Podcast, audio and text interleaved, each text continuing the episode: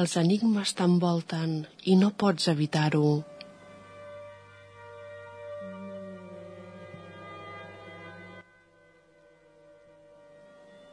Apropa't allò desconegut.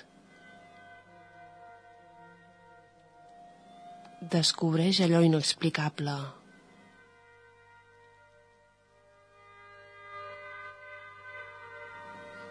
Arcanum et porta una nit de misteris, divendres de 8 a 9 del vespre, al 107.7 FM, Ràdio Nova.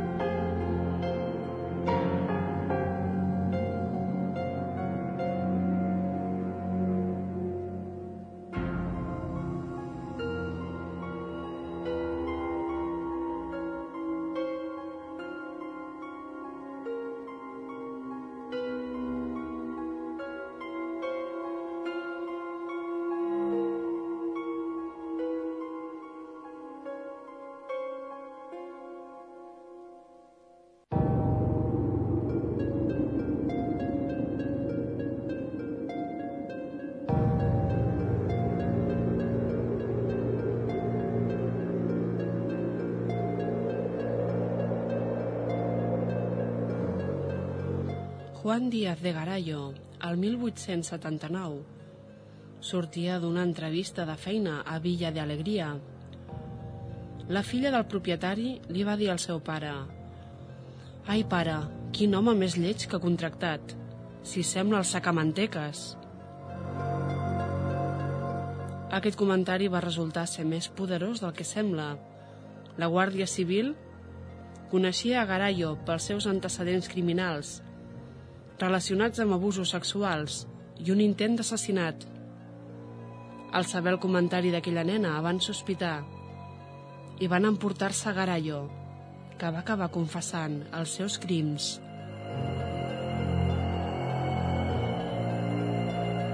La intuïció de la nena no havia fallat. Aquell home, que ella veia horrible per fora, encara ho era més per dins. Un terrible assassí que estaven buscant – conegut com a sacamanteques, paraula que en castellà fa referència a aquells assassins que extreien el greix de les seves víctimes. El seu aspecte terrible coincidia amb les descripcions de dues dones que es van escapar dels seus atacs. Ell ho va reconèixer tot i coneixerem avui la seva història.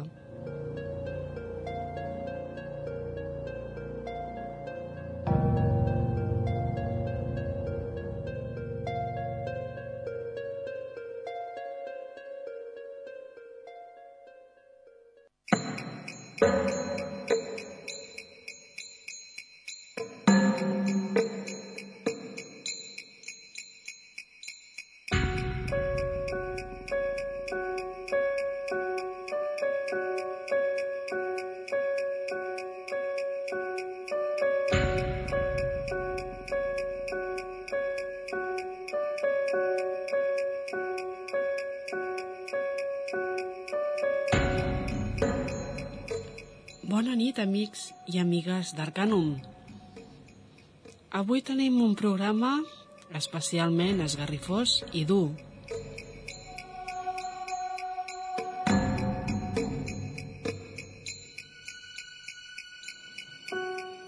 Tothom coneix històries i mites com l'home del sac, un invent absurd i mal intencionat per espantar els nens. Sembla que aquest mal costum d'espantar els nens no s'acaba de superar. Cal dir, però, que moltes vegades la realitat supera la ficció i que algunes invencions tenen els seus orígens en fets reals. L'home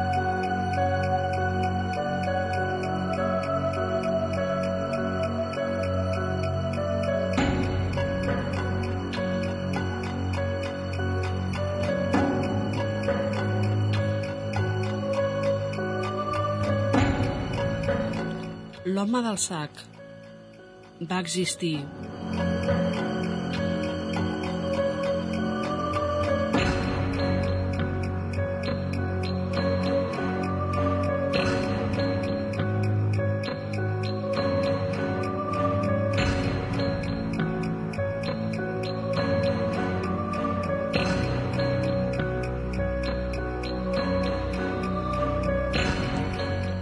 L'home del sac està inspirat en assassins de nens.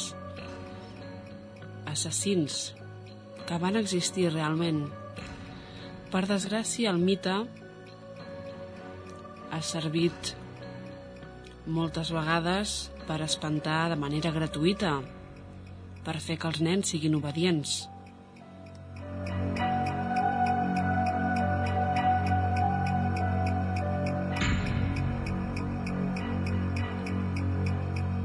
El mite es podria haver utilitzat per advertir, per avisar de que realment hi ha personatges en aquest món que fan qualsevol cosa per diners, per interès, per crueltat i destrueixen la vida dels altres.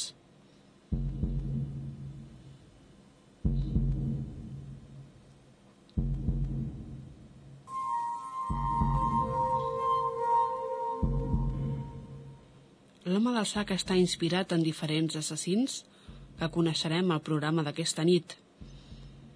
Hi ha un tipus de criminal que ha alimentat moltes llegendes, que ha atacat a infants, però també a adults. Assassins, esbudelladors.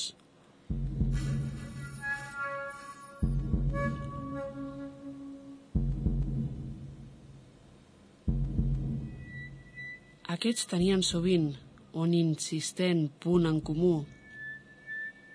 Extreien el greix del cos de les seves víctimes i a vegades també la sang amb la finalitat de vendre-la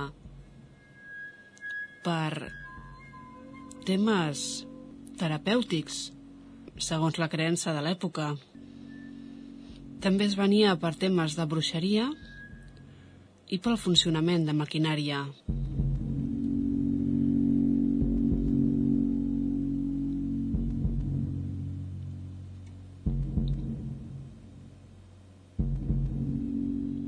Coneixem un dels casos més famosos, el de Juan Díaz de Garallo Ruiz de Argandoña. Entre 1870 i 1879 va assassinar brutalment sis dones a les que obrien canal i n'extreia el greix. Es va creure ben aviat que l'objectiu era vendre aquest greix per fer alguns preparats terapèutics, ja que es creia que amb el greix de les persones es podien curar algunes malalties, com ara la tisi o la tuberculosi.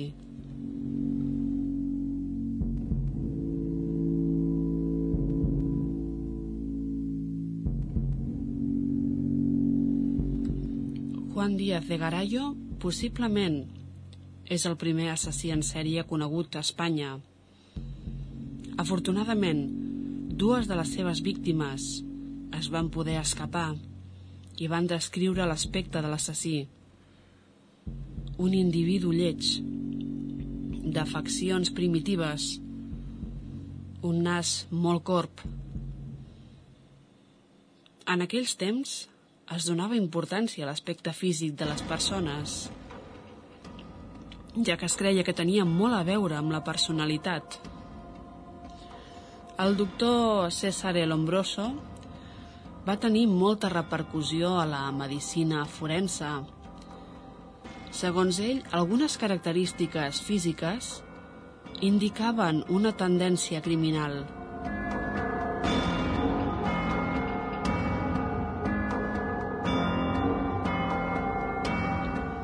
Aquestes característiques eren, per exemple, ser esquerrà, tenir el nas corp, ser lleig, daltònic, Afortunadament, aquestes tesis absurdes s'han anat descartant i avui dia no es relaciona l'aspecte físic amb les tendències criminals. En aquell moment, la lletjor de Juan Díaz de Garallo es va considerar reveladora i, a més a més, el seu cas va donar la volta al món.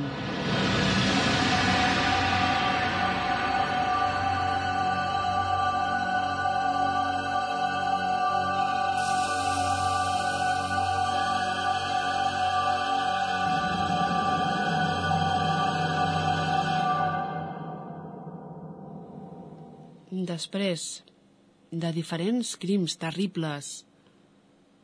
Finalment van atrapar-lo i l'11 de maig de 1881 a Vitoria va ser executat amb el garrot vil als 60 anys. La història d'aquest assassí s'ha anat omplint de llegendes i se li han trobat fins i tot punts sobrenaturals. Fins i tot s'havia considerat a Garallo una mena d'esperit diabòlic.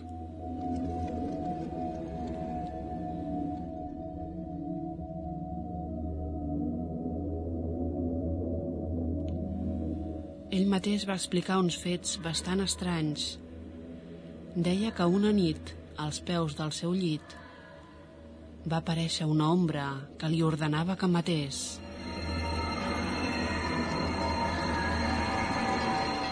Aquella ombra era el diable.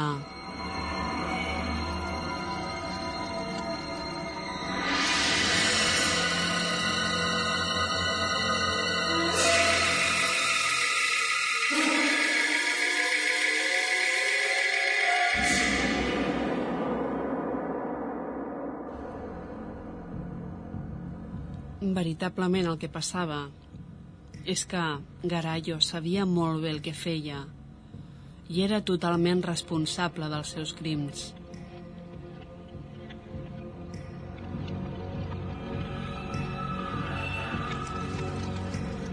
Avui dia se segueix parlant d'ell i probablement se'n parlarà sempre. Una desgràcia com aquesta mai s'oblida.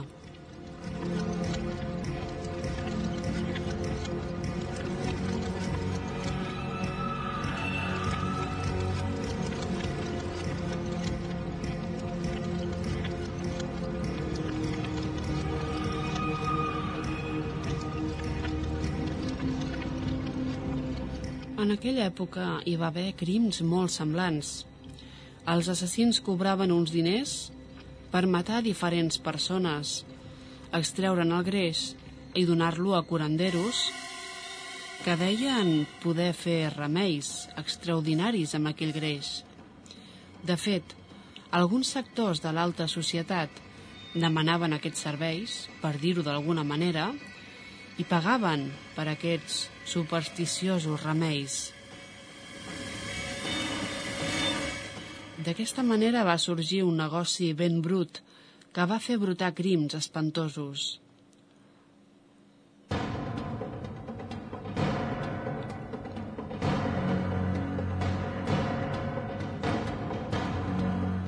Diferents personatges horribles anaven pels carrers buscant a persones desprevingudes per acabar amb la seva vida.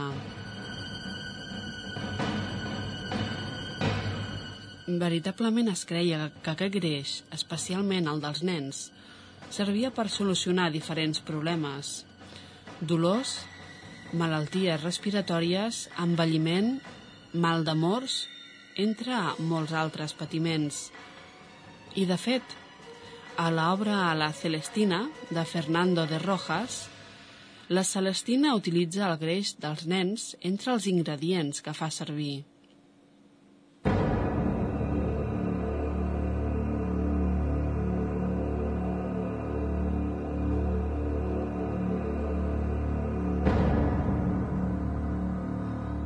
De fet, utilitzar aquest greix era més freqüent del que es creu.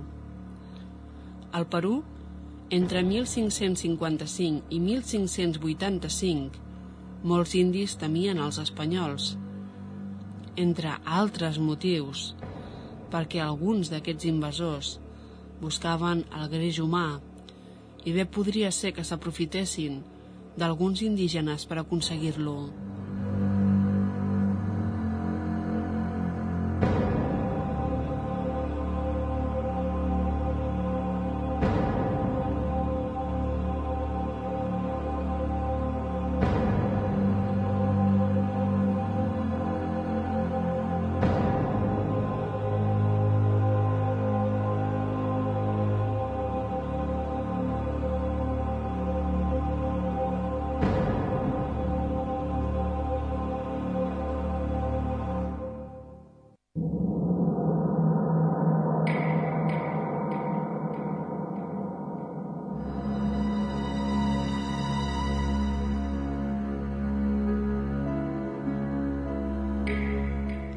Recordem ara un altre assassí, Manuel Blanco Romasanta, l'home llop.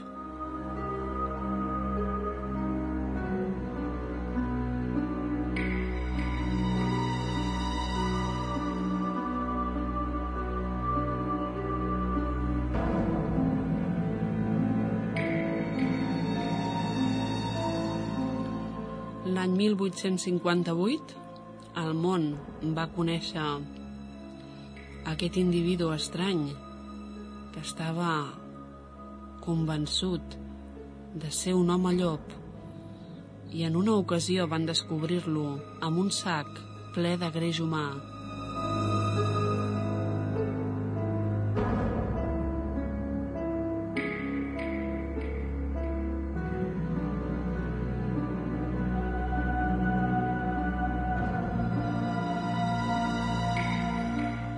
Les històries d'assassins que extreien el greix de les seves víctimes van extendre's molt als anys 20.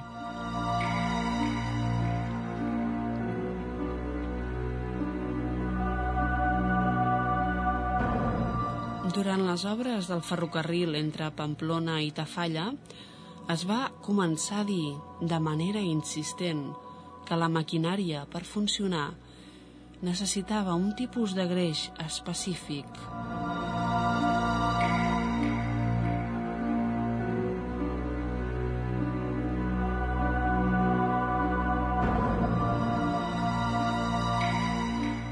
i que el millor era el greix dels nens.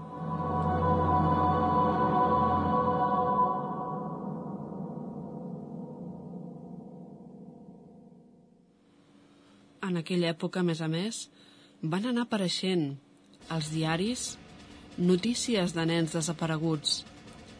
La gent va començar a desconfiar de tothom i es van generar situacions al límit, situacions gravíssimes en les que alguns rodamons van ser considerats sospitosos i se'ls va arribar a pallissar.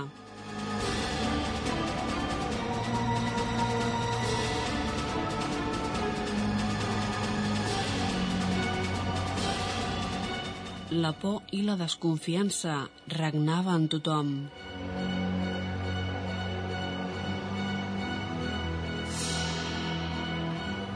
Qualsevol podia ser un d'aquests assassins.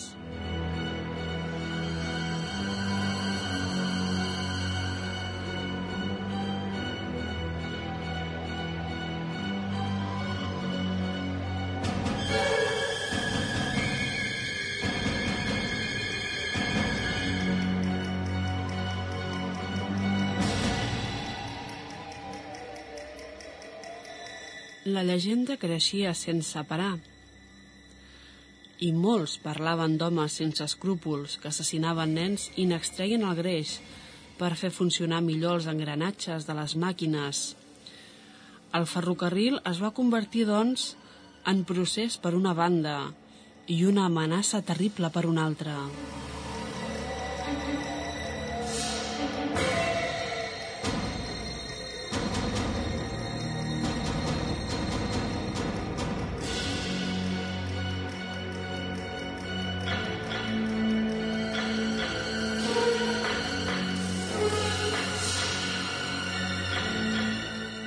L'any 1848, a Catalunya es va inaugurar la línia de tren entre Barcelona i Mataró i també es van extendre les històries de nens assassinats pel funcionament del tren.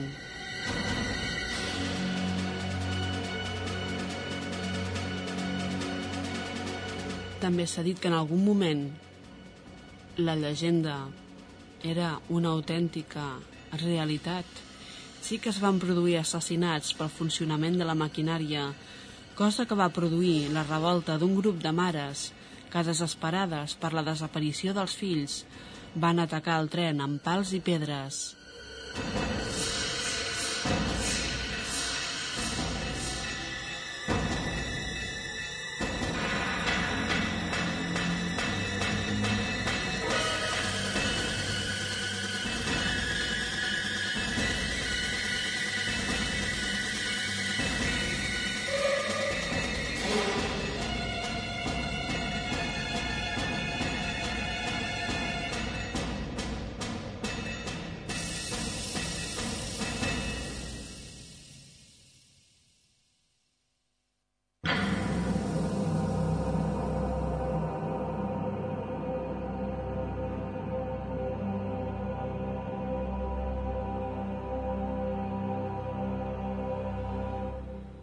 D'assassins que extreien greix i sang de les víctimes,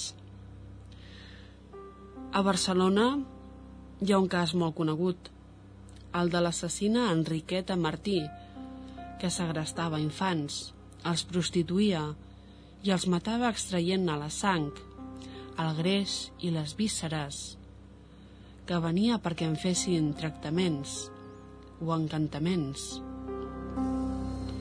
i també, segons com, per fer funcionar la indústria.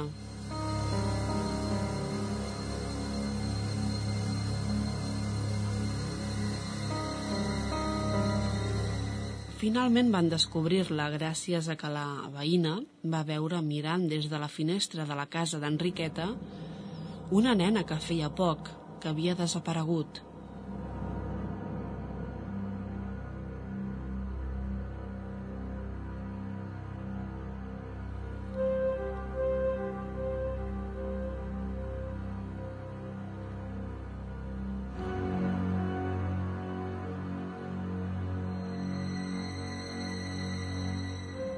Després de dir a la policia que havia vist a la nena desapareguda mirant per aquella finestra,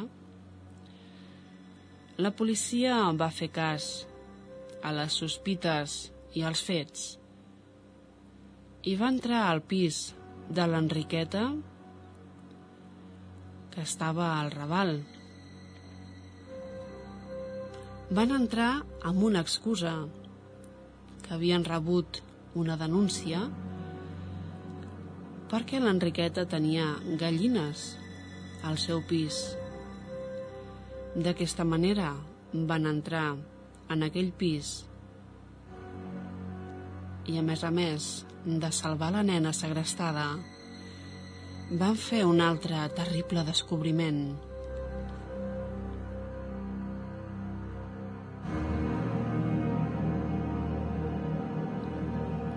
El pis estava ple de restes humanes que pertanyien a 12 nens diferents. En altres pisos on també havia viscut l'Enriqueta, van trobar més restes humanes. Aquesta criminal portava una doble vida. De dia es vestia de captaire i demanava almoina mentre observava els infants dels ambients més pobres i els triava i els segrestava.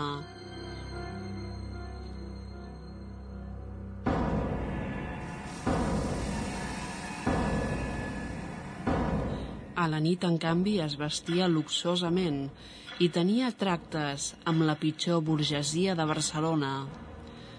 Ell aconseguia els més depravats, els infants segrestats, els prostituïa i també en feia remeis per malalties, elaborats amb la sang, els ossos i el greix dels nens que assassinava.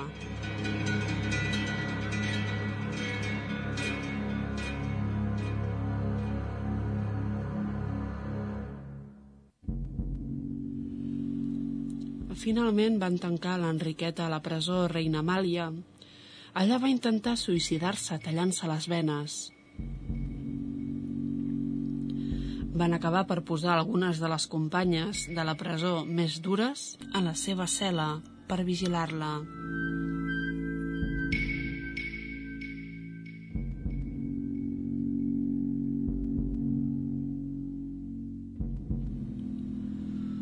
Tothom volia que ella arribés a ser jutjada i condemnada a mort, però no va poder ser. Va morir la matinada del 12 de maig de 1913. Es va dir que a causa d'un càncer, tot i que en realitat va morir d'una brutal pallissa per part de les seves companyes de presó.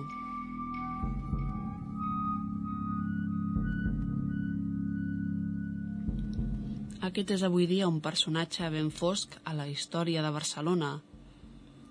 Fins i tot l'anomenen vampiresa.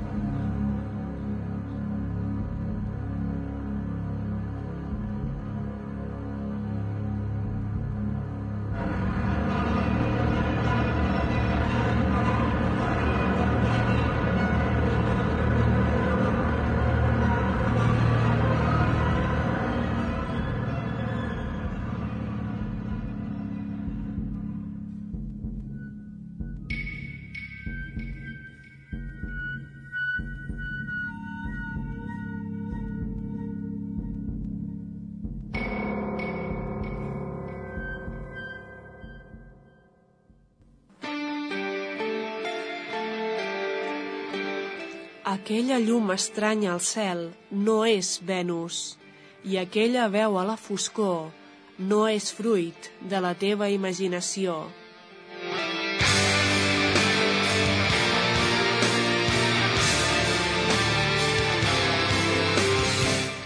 Arcanum, el programa de misteri de Ràdio Nova, divendres de 8 a 9 del vespre, al 107.7 FM, o si ho prefereixes, el podcast http dos punts doble barra arcanum.podomatic.com No li tinguis por a allò desconegut.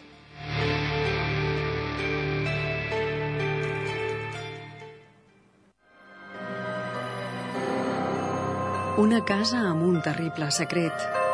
Un crim sense resoldre. Una cançó que comunica els difunts amb els vius. Una llegenda urbana que es torna real. Contes inquietants de Laura Vivancós, publicat per Ediciones Obliquas. Relats sobrenaturals que et sorprendran.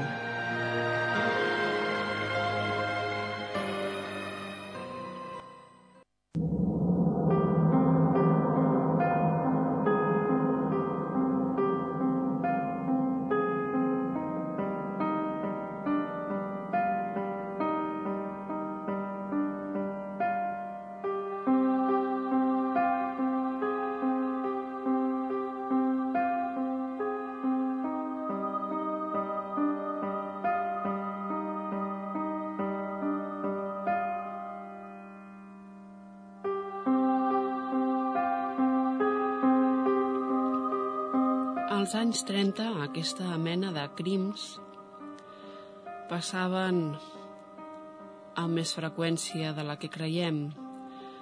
i amb un fort component supersticiós, ja que molta gent es pensava que de veritat podia curar-se amb la sang i el greix dels nens. Els més desesperats i menys humans pagaven per obtenir-lo sense importar el patiment dels altres.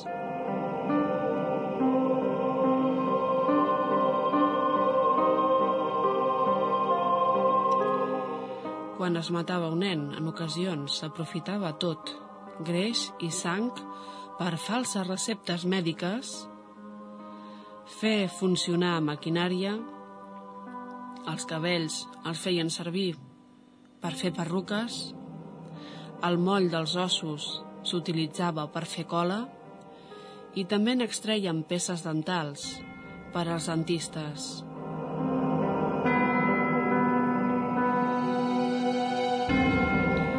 Feia servir la persona com un objecte del que beneficiar-se.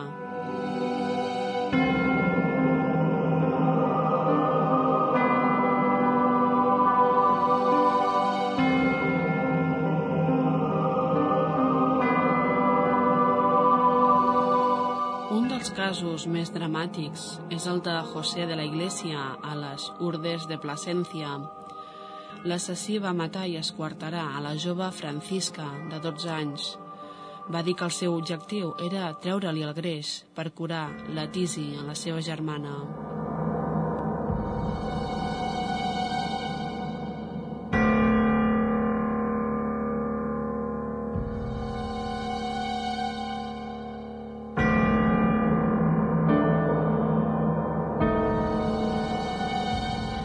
Béjar, Salamanca, també recorda una gran tragèdia.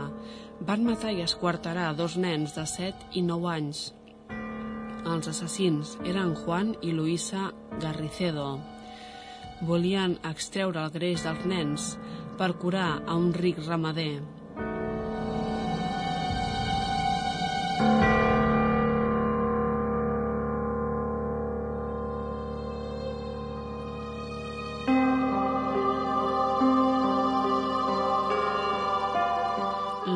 Diners a vegades és capaç de qualsevol cosa.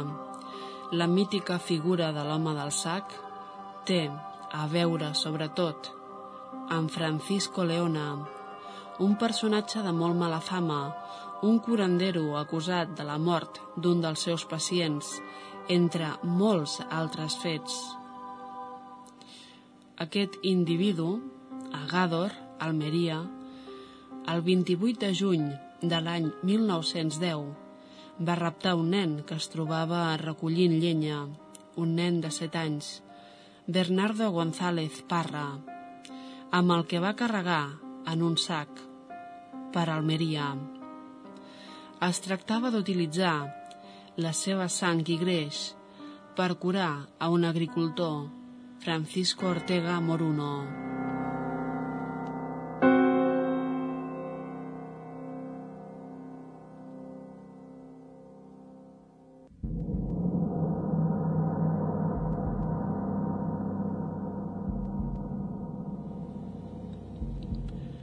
La curandera Agustina Rodríguez, de 56 anys, no podent curar aquest home amb els seus remeis de sempre, va comentar-li la situació a Leona, que va pensar en assassinar un nen i utilitzar la seva sang i el seu greix com a tractament.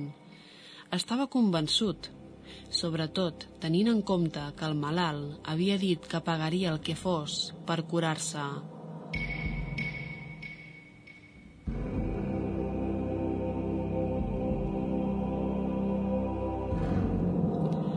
Així doncs, Leona va anar a buscar un nen. L'ajudaria Julio el Tonto, al que li van prometre 50 pessetes. Van raptar el nen, van trobar-se a Bernardo i Leona li va tapar el nas i la boca amb un mocador impregnat de cloroform. Van emportar-se el nen a una casa on li van fer un tall a la xella d'on el malalt va veure la sang i també li van extreure al nen el greix per fer cataplasmes.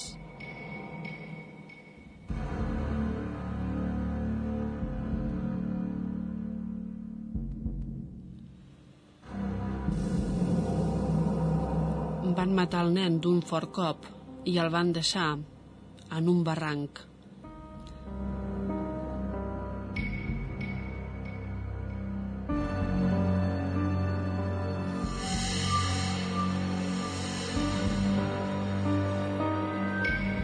Julio Hernández, conegut com a Julio el Tonto, estava indignat perquè no li van pagar les 50 pessetes que li havien dit i per venjar-se va anar a la policia per dir que havia trobat per casualitat el cadàver del nen que tot el poble estava buscant i de seguida va acusar a Leona.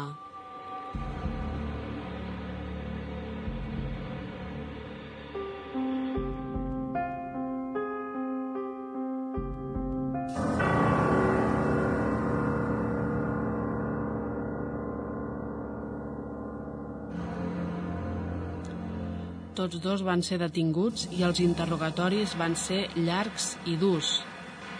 Finalment, tots els implicats en aquest crim van ser empresonats.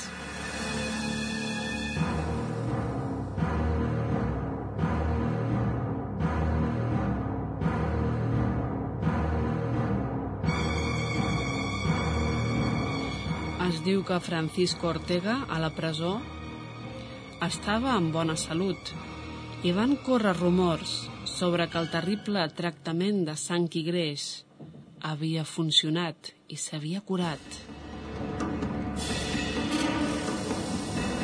Cosa però que no és res més que part de la llegenda, Francisco Ortega estava bé perquè a la presó els metges van fer una bona feina.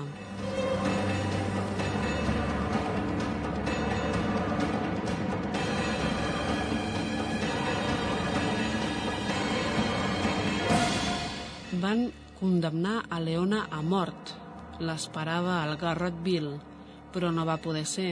Leona es va morir abans a la presó.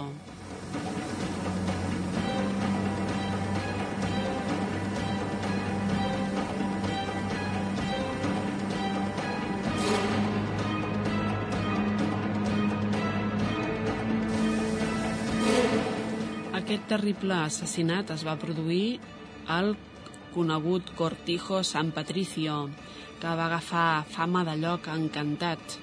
Tot i ser derruït, encara ara se'l considera un lloc maleït on hi passen fenòmens. El crim es va fer molt famós, també perquè la seva història la cantaven els cecs pels carrers.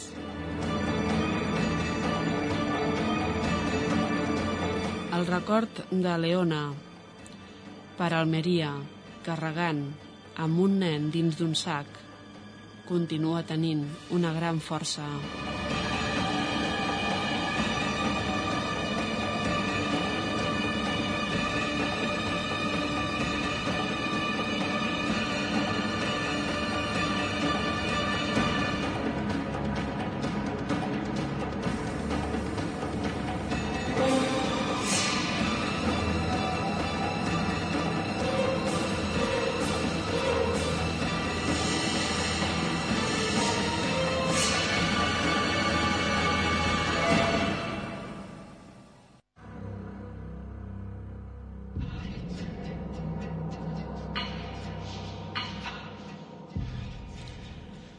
Madrid, als anys 30, es produïa un fenomen que esgarrifa molts.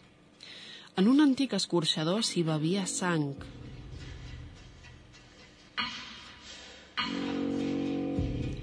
Va sortir a la premsa un grup de dones pàl·lides vestides de negre que bevien sang. Aquestes persones es reunien per beure sang amb l'objectiu de curar-se de diferents problemes de salut. Segons deien, tot era per prescripció mèdica i també es deia que la sang era d'animals, però sempre han anat corrent rumors sobre la possibilitat que en alguna ocasió la sang fos humana.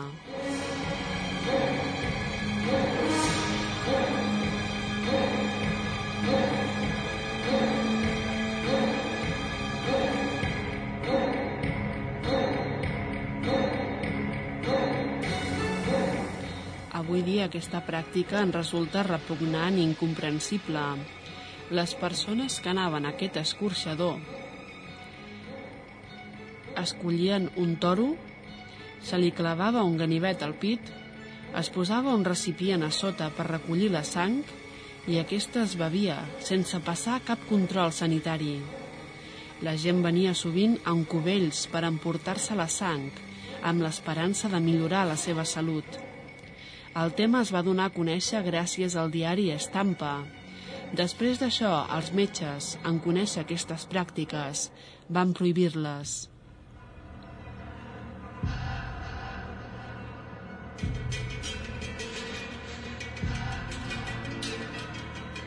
La sang s'ha considerat sovint una font de vida i d'aquí ve també el mite del vampir. Alguns assassins han atacat les seves víctimes per aconseguir la seva sang, a vegades amb la creença de que aquesta es podia fer servir per temes terapèutics, tal i com ho venia Enriqueta Martí. En altres casos, la sang també s'ha considerat cosmètica, almenys en el cas de la cruel i llegendària Erzsébet Bathory, que es banyava amb la sang de noies joves, creient que aquesta la mantindria jove i atractiva.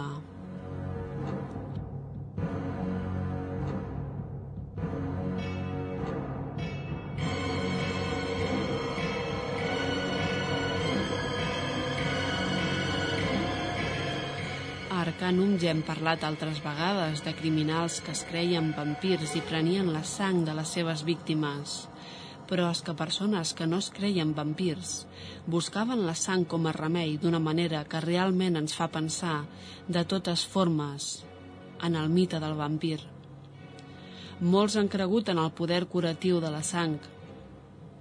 El 25 de juliol de 1942 va morir el papa Innocenci VIII un metge li va donar per veure la sang de tres nens de 10 anys, però tant els nens com el papa van perdre la vida.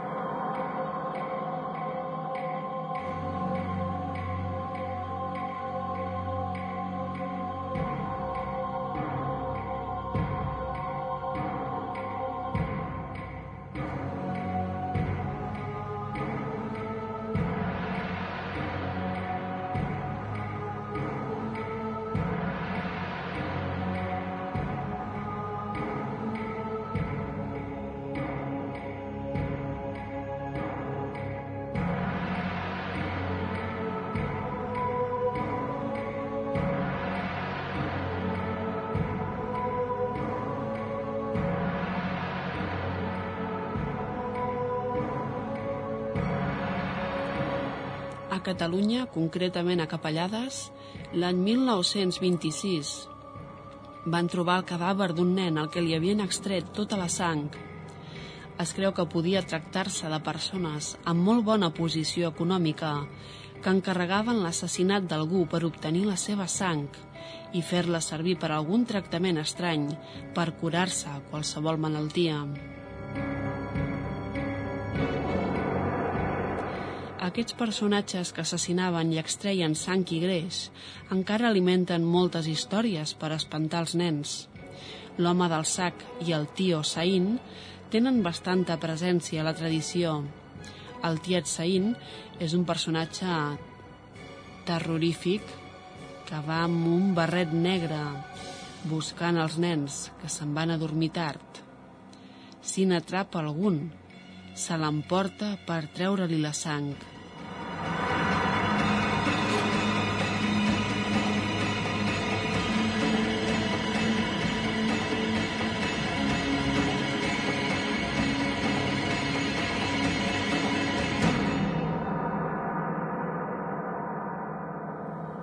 El mal costum d'espantar els nens perquè siguin obedients segueix endavant.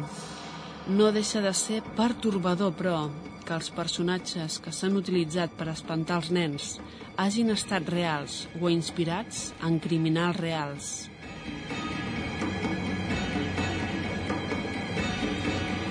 Així doncs, no és gens tranquil·litzador pensar que no han estat tot fantasies. Ens esgarrifa descobrir la realitat d'assassins esbudelladors que veritablement van acabar amb la vida de persones i tot per unes monedes. Què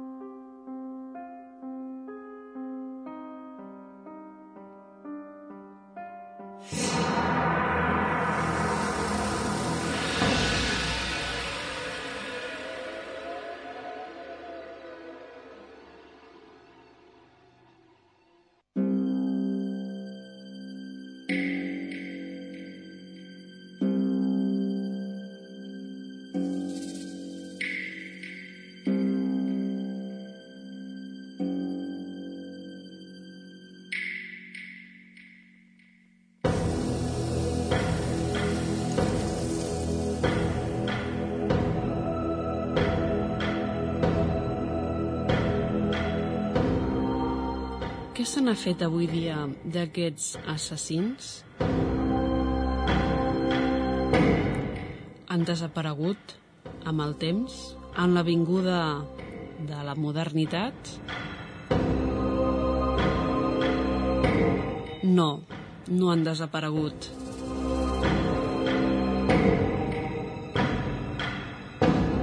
Avui dia bé que també hi ha la versió moderna d'aquests assassins rapinyaires.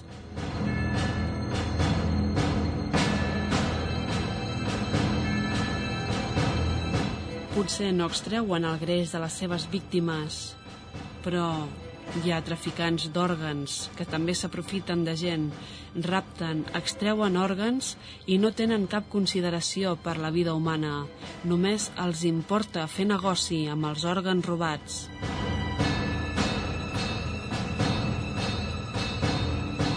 Hi ha casos molt coneguts a la Xina, Iugoslàpia i el Moçambic. A la Xina s'extreuen els òrgans de presos condemnats a mort, amb el seu permís o no.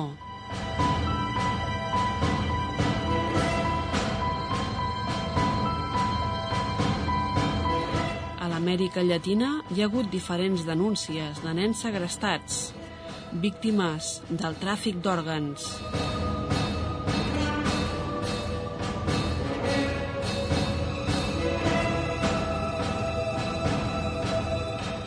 En una coneguda llegenda urbana, una persona és drogada a través de la seva beguda en una festa i es desperta en una banyera amb gel, amb una gran cicatriu en un costat i una nota que l'avisa perquè truqui al telèfon d'urgències si vol sobreviure. L'han drogat per extreure-li un ronyó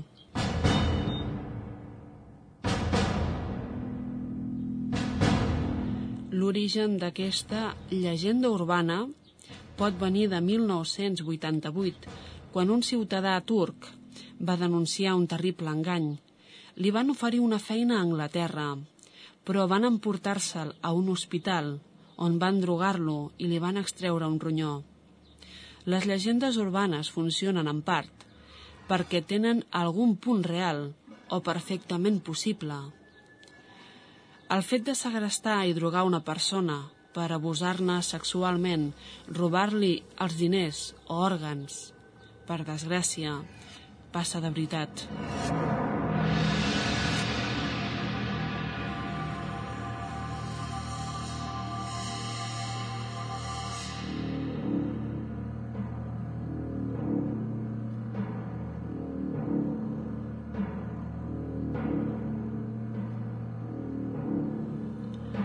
Ja veiem que, com sempre, els pitjors crims sempre tenen el mateix origen, destruir algú per aprofitar-se'n.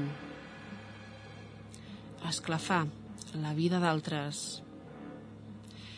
En aquest programa hem vist com alguns individus, per un grapat de monedes, no tenien cap problema en assassinar per satisfer una creença absurda la de que la sang i el greix curava malalties, cosa que ni en el cas d'haver estat veritable justifica absolutament res. Vivim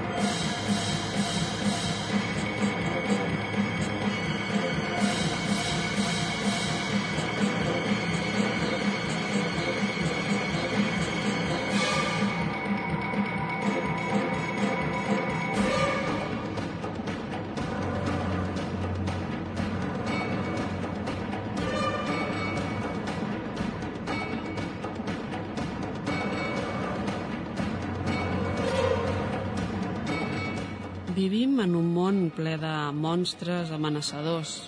Veritablement, no cal inventar-ne per espantar.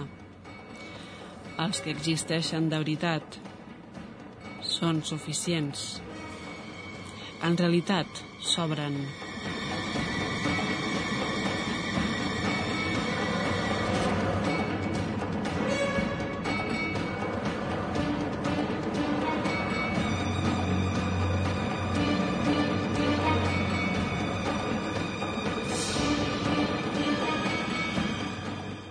Amb l'ombra amenaçadora de l'home del sac,